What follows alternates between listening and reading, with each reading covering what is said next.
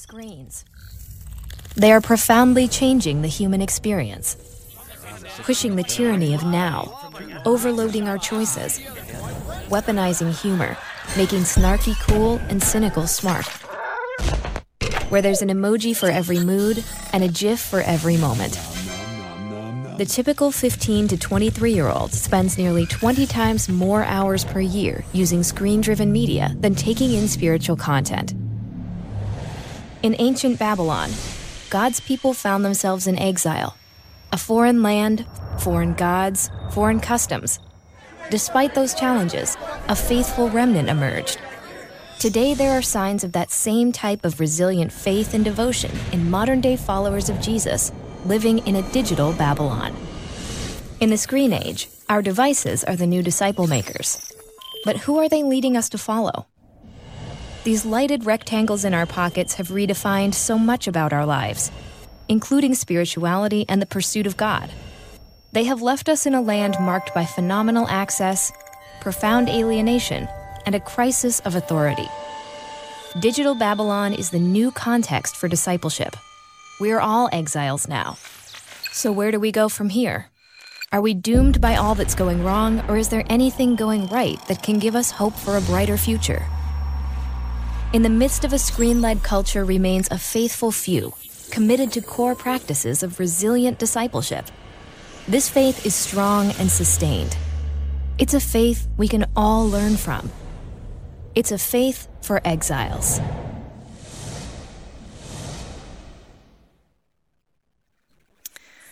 Hvis det var mye som ble sagt som eh, var vanskelig å henge med på, så skal jeg gjenta en del av dette underveis.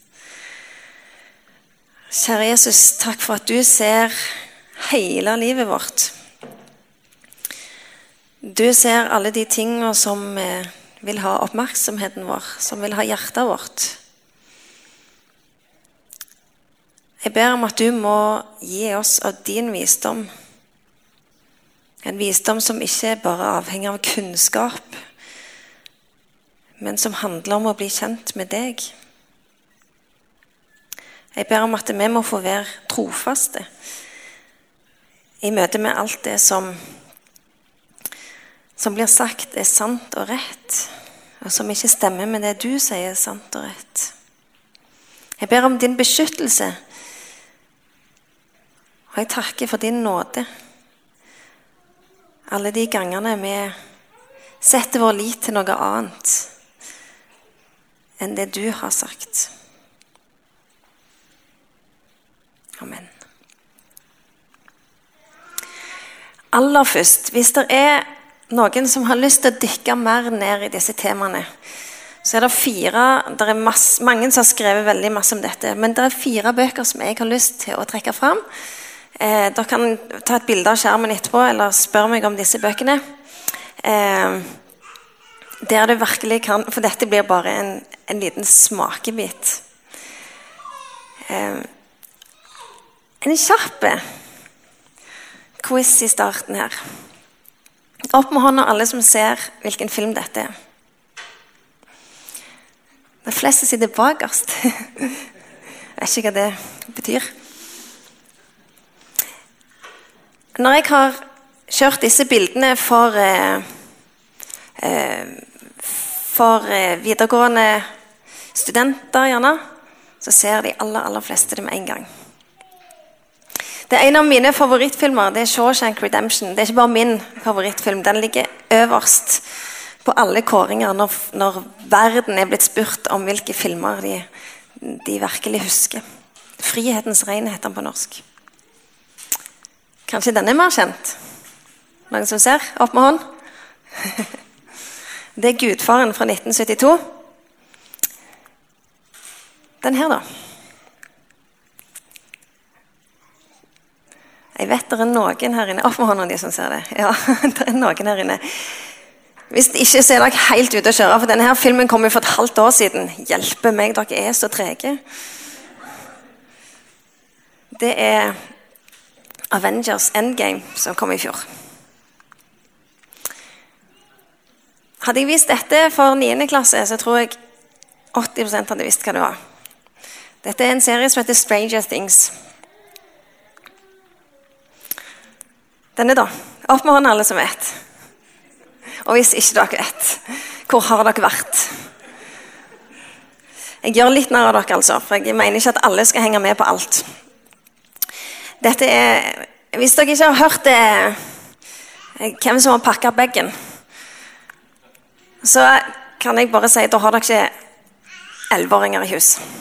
For det er Mahmed som har gjort det, og den er veldig intern. Men dette er vår felles historie. Det er mye mer sannsynlig at naboen din kunne svart ja, at han kjente til en av disse, enn at han kunne ramse opp hvem som skrev de fire evangeliene. Det er mye mer sannsynlig at det, du ville fått et langt svar på hva liker du å se på på TV, enn hvis du starter rett på 'ja vel'. Lenge siden du har vært på gudstjeneste, da. Hva syns du egentlig om eh, helliggjørelsen? Dette har vi felles med de som tror på Bibelen, og de som tror noe helt annet. For dette er våre historier. Dette er historier som preger oss, og som preger hele samfunnet vårt. Eh, dette er historier som preger slummen i Nairobi. Kommer du der og begynner å synge eh, på Let It Go, så vil jeg være med med en gang. Fra Frost. Det er historier som kongen har sett. Det er noe som binder oss sammen. Og alle disse historiene, de forteller noe. Det å fortelle en historie er den, det sterkeste virkemidlet vi har for å forandre et samfunn gjennom å forandre enkeltmennesker. Dette går begge veier. Historiene påvirker oss, og vi påvirker historiene. Men mye av det vi ser i samfunnet i dag, det begynte eh, som holdningsendringer gjennom TV-seriene for 35-40 år siden. Ting som vekte avsky når det kom på kino, var det ingen som reagerte på når de kom via TV-serier. Så de seriene som vi har sett gjennom mange mange, mange år, har forma samfunnet vårt og er mye av grunnlaget for mange av de store kulturelle endringene vi ser i dag. Ting som skjer i verden. I forhold til hva vi tenker om verdier. For historiene forteller oss noe om hvordan vi ser verden. De forteller oss noe om hva vårt samfunn syns er riktig, hva vi syns er feil. De spiller på følelsene våre. Og det er den måten evangeliet har blitt bevart helt til i dag. Det er gjennom at de har blitt fortalt og fortalt og fortalt. Det er gjennom historiefortelling. Gud har møtt oss i historien. Og Derfor så tenker jeg at hvis vi starter helt på begynnelsen, så skapte Gud menneskene i sitt bilde. Gud er verdens mest kreative. Han er den kilden til det kreative. Og når vi er skapt i hans bilde, så vil disse historiene som vi møter Enten det er 140 karakterer på Twitter Jeg heter ikke karakterer på norsk. Eh, eller om det er eh, en to timers film Alle disse vil gjenspeile både noe av Gud og noe av opprøret vårt mot Gud. Selv om det er historier som vi som kristne vil vri oss i stolen av, så tror jeg at hvis vi åpner øynene, så vil vi veldig ofte se spor av den Gud som skapte oss. Fordi alle, enten de tenkte å lage en film som speilte Gud eller ikke, så har de et speilbilde, er de sjøl et speilbilde av Gud. Det er bare det at det, veldig ofte så speiler de den ødelagte verden. Hvor er det vi henne, Daniel? Bare en kjapp oppsummering hva vi har gjort disse første gudstjenestene. Israelsfolket har blitt advart i lang tid. Eh, på mange forskjellige måter. Dere er ute å kjøre. Dere tilber ikke Gud. Dere erstatter Gud med idoler på ulike vis. Det er andre ting som tar tida deres, som tar oppmerksomheten deres. Resultatet er at Gud overgir dem i hendene til Nebukadneser. Og dette er et folk som fullstendig har glemt Gud. Det er ganske ironisk. Resultatet er at Gud sier ja vel, hvis det er sånn dere vil ha det, så skal dere iallfall få det sånn. Fire av disse er unge gutter. Sannsynligvis er det mange flere. Og jeg har lurt litt på hvorfor har de ikke trukket fram flere. Eh, disse fire er nok litt spesielle, for de er nok av kongeslekt. De har gått på skole, og de har lært veldig mye siden de var bitte små. Og den skolen, hvis du klager på at du har mye lekser, så skulle du ha prøvd en dag i den skolen. Det de kunne på den tida, det var sannsynligvis mange hundre sider med tekst utenat. For hvis ikke du greide å passere, så fikk du ikke da, da ble du kasta ut av skolen. Da var det ingen som ville ha deg på skolen. De kunne utrolig mye på den alderen. 13-14 år. Eh, de som vi ikke hører om Jeg tror bare ikke Ikke at de ikke fins, men at det ikke, har ikke vært verdt å nevne dem. Fordi de besto ikke testen. Når de ble tatt ut fra Israel og inn i et annet land, så glemte de hva som var viktig for dem. Så fokuset ligger på disse fire, som både har mye kunnskap, men de har òg mye visdom. Og det er ikke nødvendigvis akkurat det samme. Og Det innebærer to ting. Daniel han vet hva avgudsdyrkelse er, for det har de drevet på med i Israel. Det er ikke sånn at han kommer fra en veldig beskytta tilværelse der alt bare dreier seg om Gud. Jeg tror kanskje hans liv gjorde det. Fordi at han er så tydelig på hva som er viktig for han. Men samfunnet var ikke nødvendigvis sånn. Han må ha lært seg allerede som veldig liten å skille mellom hva som er Guds tanke, og hva verden sier. Ehm, jeg lurer på om det å befinne seg i et så utrolig lite mindretall gjør at man blir enda mer fokuserte på å huske hva det var som var viktig. Det at de skal huske eh, det de kom ifra, fordi de visste det var noe godt. De har lært hvem Gud er.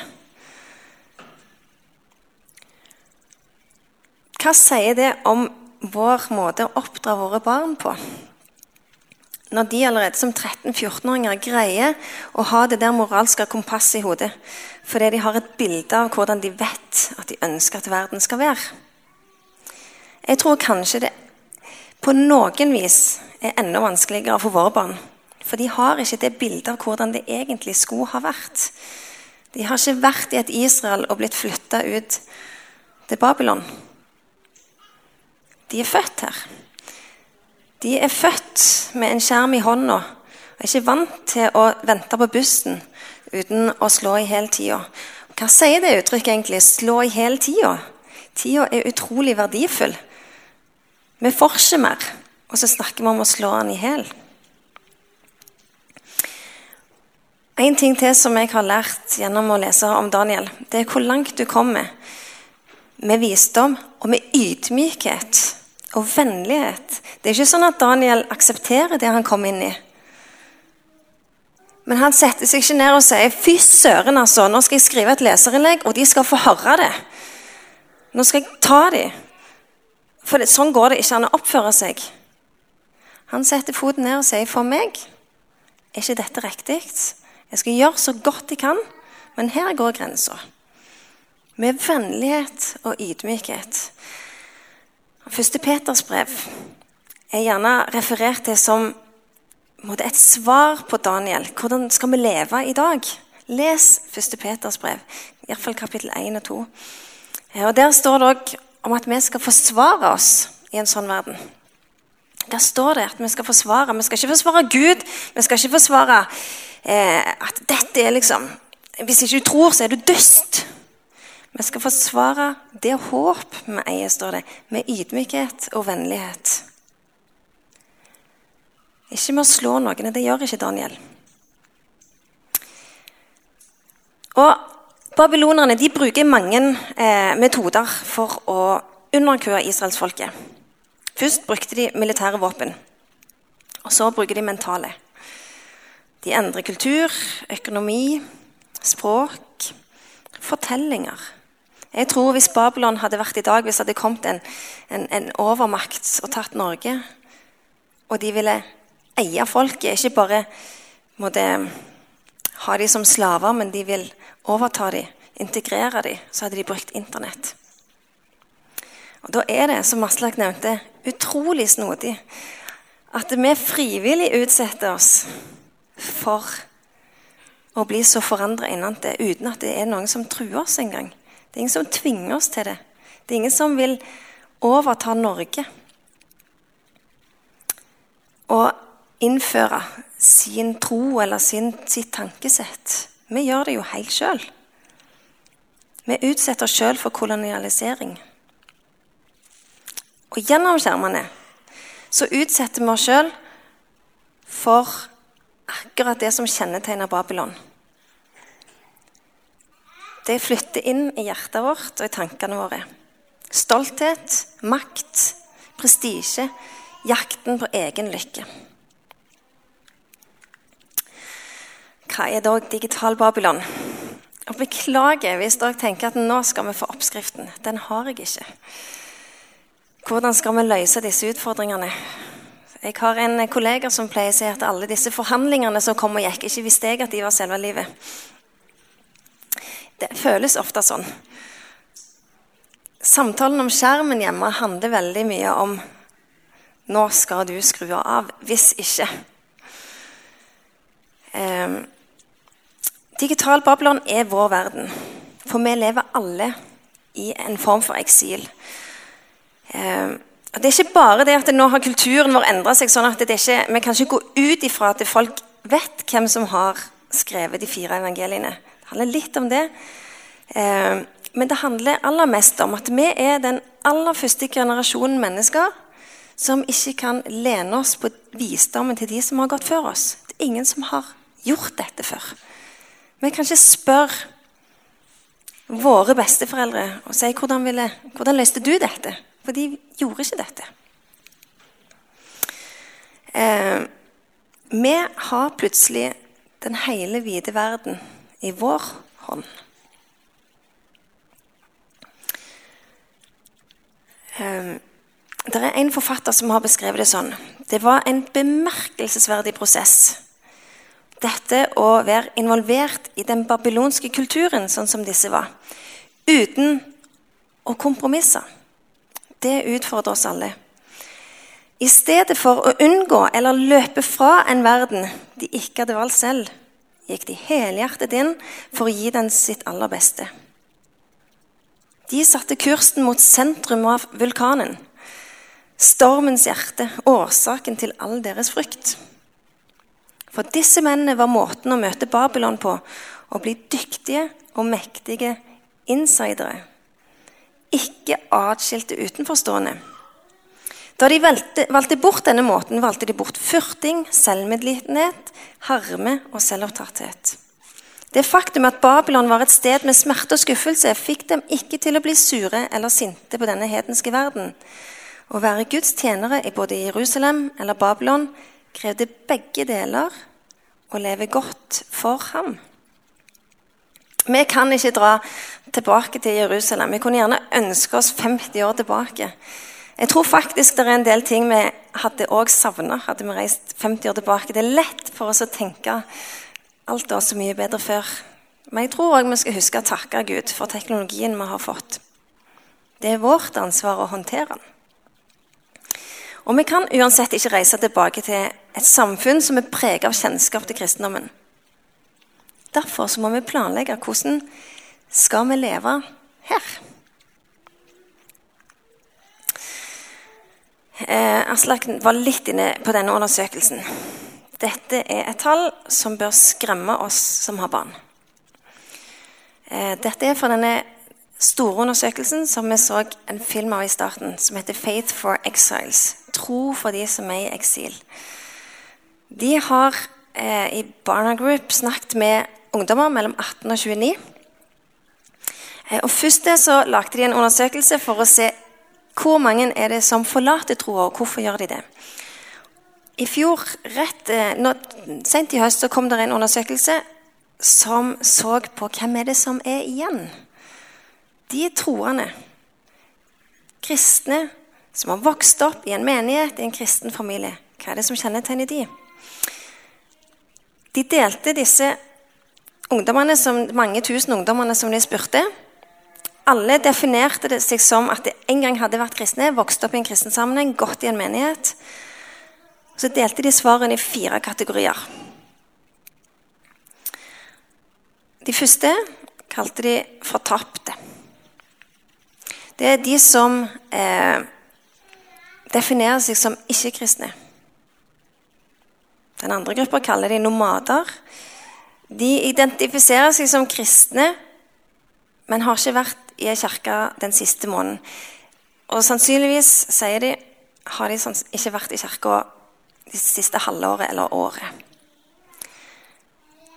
Det tallet er de to gruppene til sammen. Av kristne barn som, som i USA som har vokst opp i en menighet eller i kirke. 64% Dette tallet er den siste gruppa. Den nest siste den heter eh, jevnlige kirkegjengere. De regner seg som kristne, går i kirka av og til, men det er ingenting i livet deres som tilsier at de er kristne. Ingen valg eh, som, som, de tar som avslører at de er kristne. Og de eh, syns det er vanskelig å si at yes, Jesus er herre i mitt liv. Jo, jo, han er jo en, det er jo fint å være kristen, og det er jo et godt fellesskap. Bruke litt andre måter på å definere troa si. 10% av barn som vokser opp i kristne heimer, forblir resilient, motstandsdyktige, robuste. Hva er det med de? Hvordan kan vi hjelpe våre barn til å bli en Daniel? Og Jeg tror ikke vi skal bare snakke om våre barn, for jeg tror at denne revolusjonen foregår like mye enn i våre hjerter. Disse robuste er etterfølgere av Jesus som går i og engasjerer seg i kirka, som er tydelige på at de tror på Jesus som kom til jord, som døde og så opp igjen for våre synder, som tror på Bibelens autoritet, og som ønsker å drive misjon.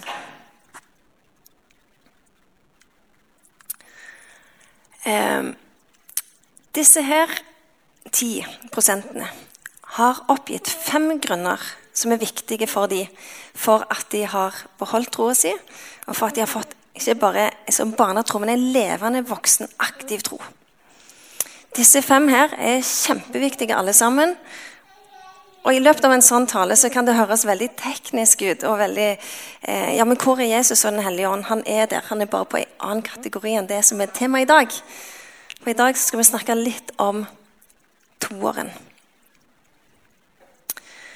Eh, det er litt vanskelig å oversette 'discernment', men en, eh, en dømmekraft Det å hjelpe oss alle til å ha en digital dømmekraft er faktisk trukket fram som en av de fem viktige punktene for å overlevere tro.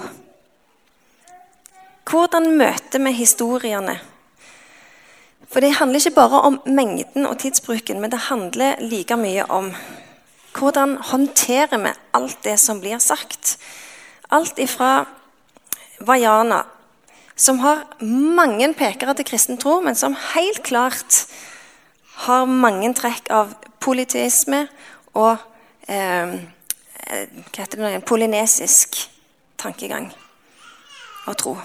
Har noen av dere noen gang pekt på det for femåringen og sagt du, hun der Når hun Vaiana er ute på sjøen, så kommer, et, eh, kommer bestemora opp fra sjøen og gir henne styrke. Er det sånn at det, de døde passer på oss? Står det noe om det i Bibelen? Har noen hatt en sånn samtale med sine barn? Og påpekt at det her ting som vi tar som en selvfølge, en del av historien, det formidler noe.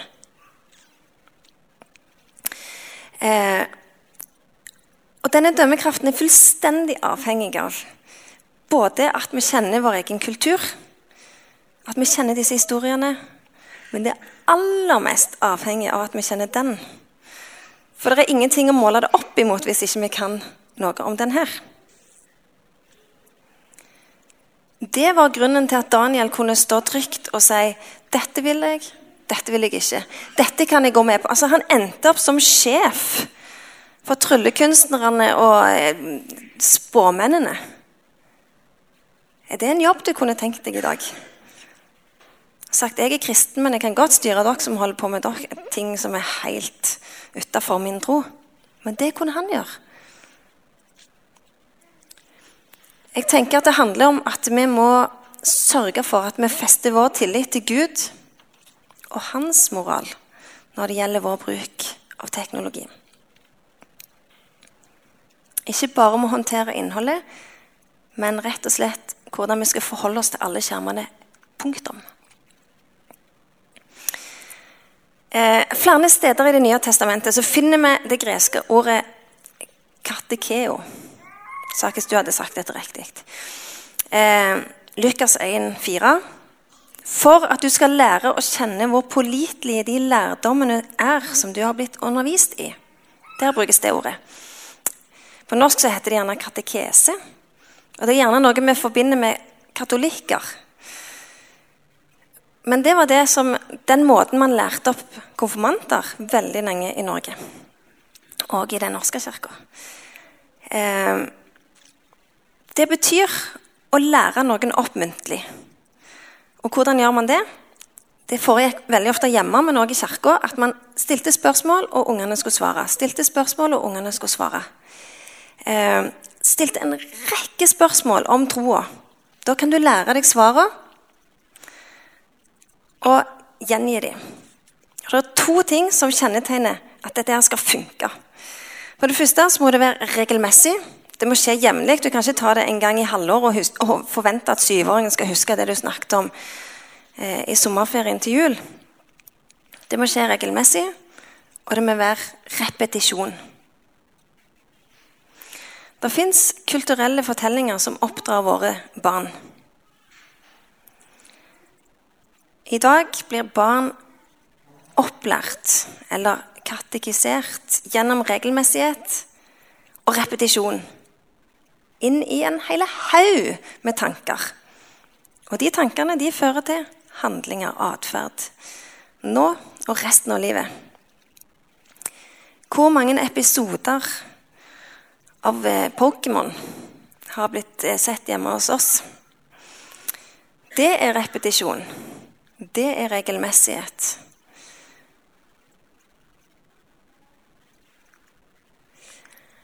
Eh, Ei side til.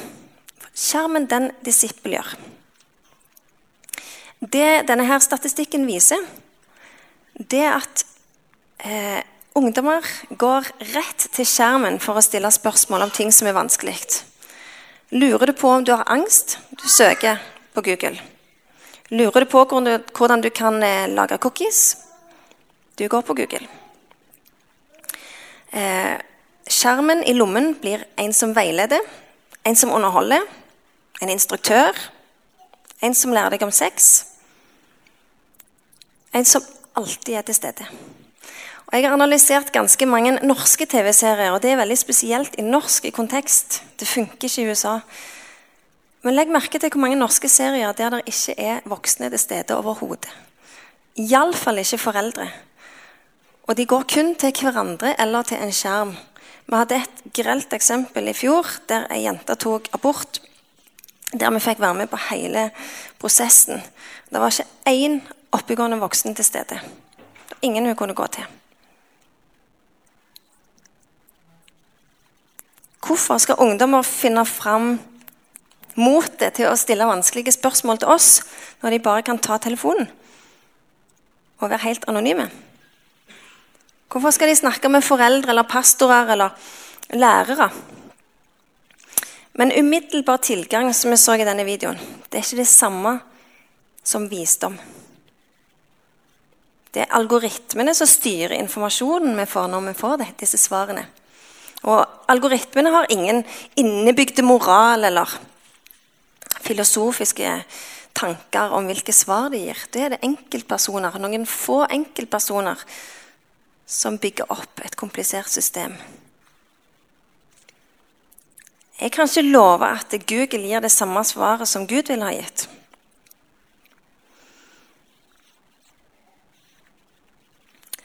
Eh, et annet eksempel Vi holder på med et eh, prosjekt på jobb der vi med, har snakket med 300, omtrent 380 folkehøyskoleelever eh, om hva de ser på. Hvilke eh, filmer og hvilke TV-serier de ser på. Det er ganske fascinerende informasjon. For det første så viser det seg at på en folkehøyskole Dette er fordelt på fire folkehøyskoler så svarer jeg lurer på om, jeg, om en plass mellom 80 og 90% svarer at når de ser på serier, så sitter de alene.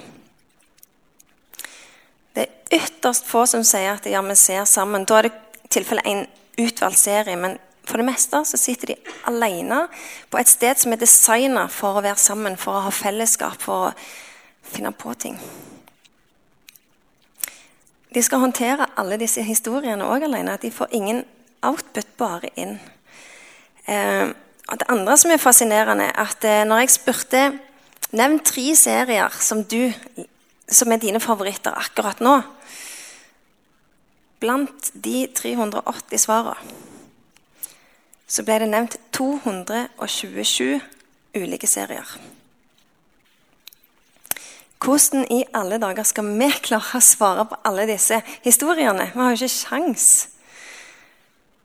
Og Da er det litt greit å løfte blikket litt og se litt på hva for noen underliggende verdier er det som ofte kommer, eh, går igjen. For det første så oppdager vi at det, ungene våre blir utdanna gjennom søkemotorer. For det andre the, the tyranny of now snakket de om nå tyranniet av måtte være til stede. Når du sier at det, det plinger i telefonen Det er forska på hvor vanskelig det er å ikke sjekke telefonen når det kommer et pling. Det krever ekstremt mye vilje. Det bare klør. Du må gå og sjekke når det, det er noen som vil meg noe. Eh, det har gjort at vi har juletre i november. Eh, litt flåsete sagt, men vi har ikke tid til å vente på noe. Noe som kommer der framme. For jeg har tilgang til det akkurat nå, så hvorfor skal jeg ikke? Det er jo min rett. Det er en tidstyv. Vår tid blir stjålet, og vår tid blir veldig oppdelt. Det er helt lov å underholdes. Men når bikker det over i noe vi tilber? Det setter filter på virkeligheten. Hva er svaret på det gode livet? Jo, følg hjertet. Noe er rett hvis det føles rett. Du vil bli lykkelig hvis du følger drømmen. Familiemedlemmer som gjør narr av hverandre. Voksne som er dumme eller ikke til stede. De er ikke brukende til noe. Arbeidssteder som er fulle av ubrukelige ansatte. En ting til skjermen gir oss. Nye fellesskap som krever mye mindre av oss. Vi trenger ikke se hverandre inn i ansiktet, ta ansvar når andre har det vanskelig. Det er mange måter vi kan reagere på. I mange år så fantes det noe som heter The Motion Picture Production Code i USA. Fra 1930 til 1968 altså var det ting som var kjempestrengt. Du fikk ikke lov å ha det med inn i filmen. Da ble det sensurert. For folk skulle ikke gå ut fra fra, videoen, fra kinosalen med dårligere moral enn når de kom inn. That ship has sailed, folkens. Vi hadde ikke kommet veldig langt med det i dag. Men jeg tror mange kristne velger en tilsvarende strategi. Vi stikker hodet i sanden. Vi fyller ørene med eh, vatt og lukker øynene og tenker hvis vi bare later som dette ikke fins, så berører det ikke meg. Vi gjemmer oss i vår kristne boble. Andre har gått lenger. De advarer, stiller seg opp utenfor kinoen vår og sier 'ikke gå inn her, for dette er forferdelig'. Vi ser ikke det så mye i dag. Men jeg tror vi ser det litt i sosiale medier, der vi uttaler oss, der vi advarer på en måte som ikke er preget av ydmykhet og vennlighet. Og jeg har vært i møte med NRK Super. Eh, det er fullstendig lov å komme med kritikk og innvendinger. Og de blir så glade når du gjør det med et smil og roser dem for det som er bra. Det er helt lov. Men jeg tror at vi glemmer ydmykhet og vennlighet og bikker over til fordømmelse. Vi kan angripe. Det har skjedd. I 1988 så brant noen katolikker ned en kino i Paris fordi de skulle vise The Last Temptation of Christ. Det går an å anvende. Det er utrolig mange kristne som er dyktige på å bruke mediene til å formidle Jesus. Og det skal vi virkelig heie på og be for. Og så skal vi heller ikke der glemme dømmekraften vår, for her er det òg en del som er litt snodig rent teologisk. Men jeg tror vi ofte ender opp her. Vår skjermbruk skiller seg ikke fra naboen sin. Kirka ser ikke annerledes ut enn fotballklubben.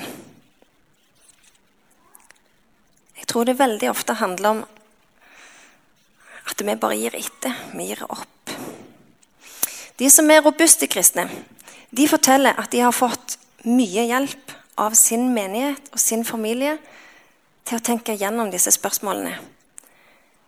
Ehm, de sier at, det, de som, de sier at de jevnlig har fått hjelp til å leve klokt når det gjelder teknologi, to og en halv gang så ofte som de andre.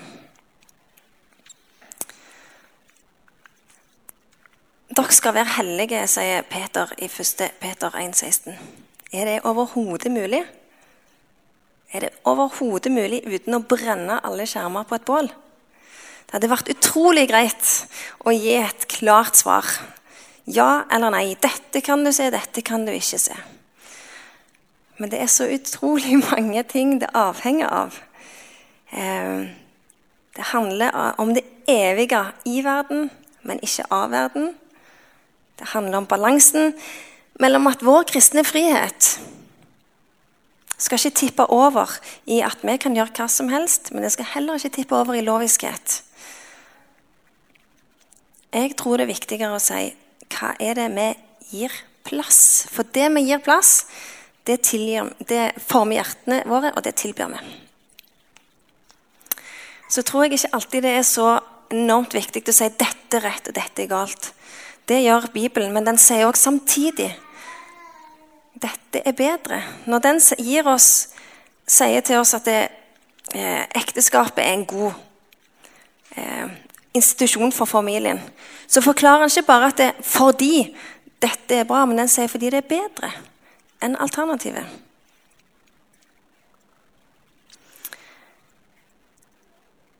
Evangeliet avslører disse løgnene, nemlig. Når vi leser Bibelen i møte med disse historiene, så blir vi avslørt. Lengselen vår blir avslørt. Og Derfor så må vi alltid starte med Bibelen først. Det er det eneste rådet jeg kommer til å gi i dag. Ikke starte med kinoen først, ikke starte med Twitter først. Starte med Bibelen først. For trofasthet i denne underholdningsverdenen starter ikke med å lengte etter å være bedre fortolkere. Jeg tror vi trenger det òg. Men vi trenger å lengte etter å bli kjent med Guds historie. Jeg tror jeg vil si det såpass hardt. Hvis du ikke har Guds store hjerte, så har du ikke sjans til å være trofast i underholdningsverden. Helt til slutt et par kjappe verktøy. For de som har små barn, funker denne, men jeg syns den funker for meg òg. Hva gir jeg tommel opp til her? Hva kan jeg bekrefte? Hva er greit? Hva speiler Gud? Og hva må vi gi tommel ned til? Det funker til toåringer, og det funker til 50-åringer. For jeg tror veldig ofte så tenker vi ingenting. Vi skal bare slappe av og nyte. Litt mer omfattende. Syns du denne her filmen var spennende? Eh, den følelsesmessige reaksjonen. Hva likte du best, og hvorfor? Var det noe du ikke likte, og hvorfor? Hvem ville du vært i denne filmen? Hva tror du Jesus hadde vært glad for? Jeg tror det er ett verktøy til. Siren er superflinke til å hele tida minne oss på hva det er som er sentralt. Så når jeg scroller på min Instagram, så kommer det inn i bakhovet mitt en sånn jevnlig påminnelse. Når jeg ser andre har vært på skitur, når jeg ser andre har eh, vært med ungene sine, lagt noe mat, et eller annet, så kommer Siren. Husk hva det er som er viktig. Og der kan vi være til stede alle sammen. Vi kan prege skjermen. Og når vi scroller, når vi er på sosiale medier, så se på alle de vennene du har. Takk for dem. Takk for gavene deres. Be for dem. Det er jo en kjempemulighet istedenfor å sitte og skrive opp bønnelister. Du kan gjøre begge deler. Men bruk anledningen til å være på. Hvis vi skal være på vakt for falske guder som tar den plassen Jesus skulle ha hatt, da må vi, være i stand til å identifisere dem. Derfor tror jeg ikke det går an å gjøre sånn. Vi er nødt til å være til stede. Vi kan ikke hjelpe for det, vi kommer ikke unna. Og da trekker jeg igjen frem 1. Peter. Spenn derfor beltet om livet. Vær våkne, beredt i tanke og sinn. Sett håpet fullt og fast til den nåde dere skal få når Jesus Kristus åpenbarer seg. Er det plass for at Jesus åpenbarer seg i ditt liv? Eller er det så stappfullt med alt mulig annet? Tenker du at Herren er din hyrde, eller har du litt ansvar for det sjøl? Jeg har lyst til å utfordre dere både til å bruke klokka og se på hvor mye tid bruker jeg. Til å ta en samtale med ungene. Eh, en gang du har sett en film, og se hvor mye får du faktisk ut av det. Og til å rydde opp i ditt eget liv. Hva er det du gir plass? Hva er det du tilber når du slipper det rett inn i hjertet ditt? Amen.